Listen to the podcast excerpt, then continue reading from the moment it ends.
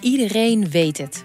Ongeluk plan je niet, het overkomt je. Toen heb ik een hele tijd weer moeten revalideren voordat ik zelf weer kon lopen. Ja, als je van tevoren had geweten, ja, dan weet ik niet of we er überhaupt aan waren uh, begonnen. Hoe zorg je voor jezelf als het leven tegenzit? En hoe houd je de regie? Je hoort die antwoorden in aflevering 23 van de podcastserie Zorg voor Leefkracht.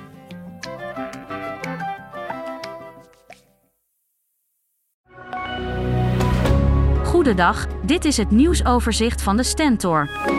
Het is mogelijk om Lelystad Airport te openen zonder de al jaren bekritiseerde laagvliegroute boven Overijssel te gebruiken. Die oplossing heeft wel een prijs, het leidt mogelijk tot zes keer meer vluchten over dorpen in de Noordoostpolder. Je kunt de klok erop gelijk zetten dat inwoners hier tegen zijn, waarschuwen dorpsbelangen. Bij een woning aan de Wilgehof in Vasen is vannacht een explosief afgegaan. De woning liep daardoor enige schade op. De aanval lijkt op een incident dat in april van dit jaar plaatsvond bij een andere woning, een straat verderop. Ondergelopen uiterwaarden, straten die blank staan, woningen die plotseling een eiland in een enorme watermassa vormen. Het hoogwater trekt duizenden mensen naar plekken langs de IJssel. In Deventer is sprake van topdrukte. Terwijl werklui zandzakken plaatsen om de stad droog te houden, genieten mensen van de mooie plaatjes. Er klopten dit jaar weer meer mensen bij het Rode Kruis aan voor voedselhulp.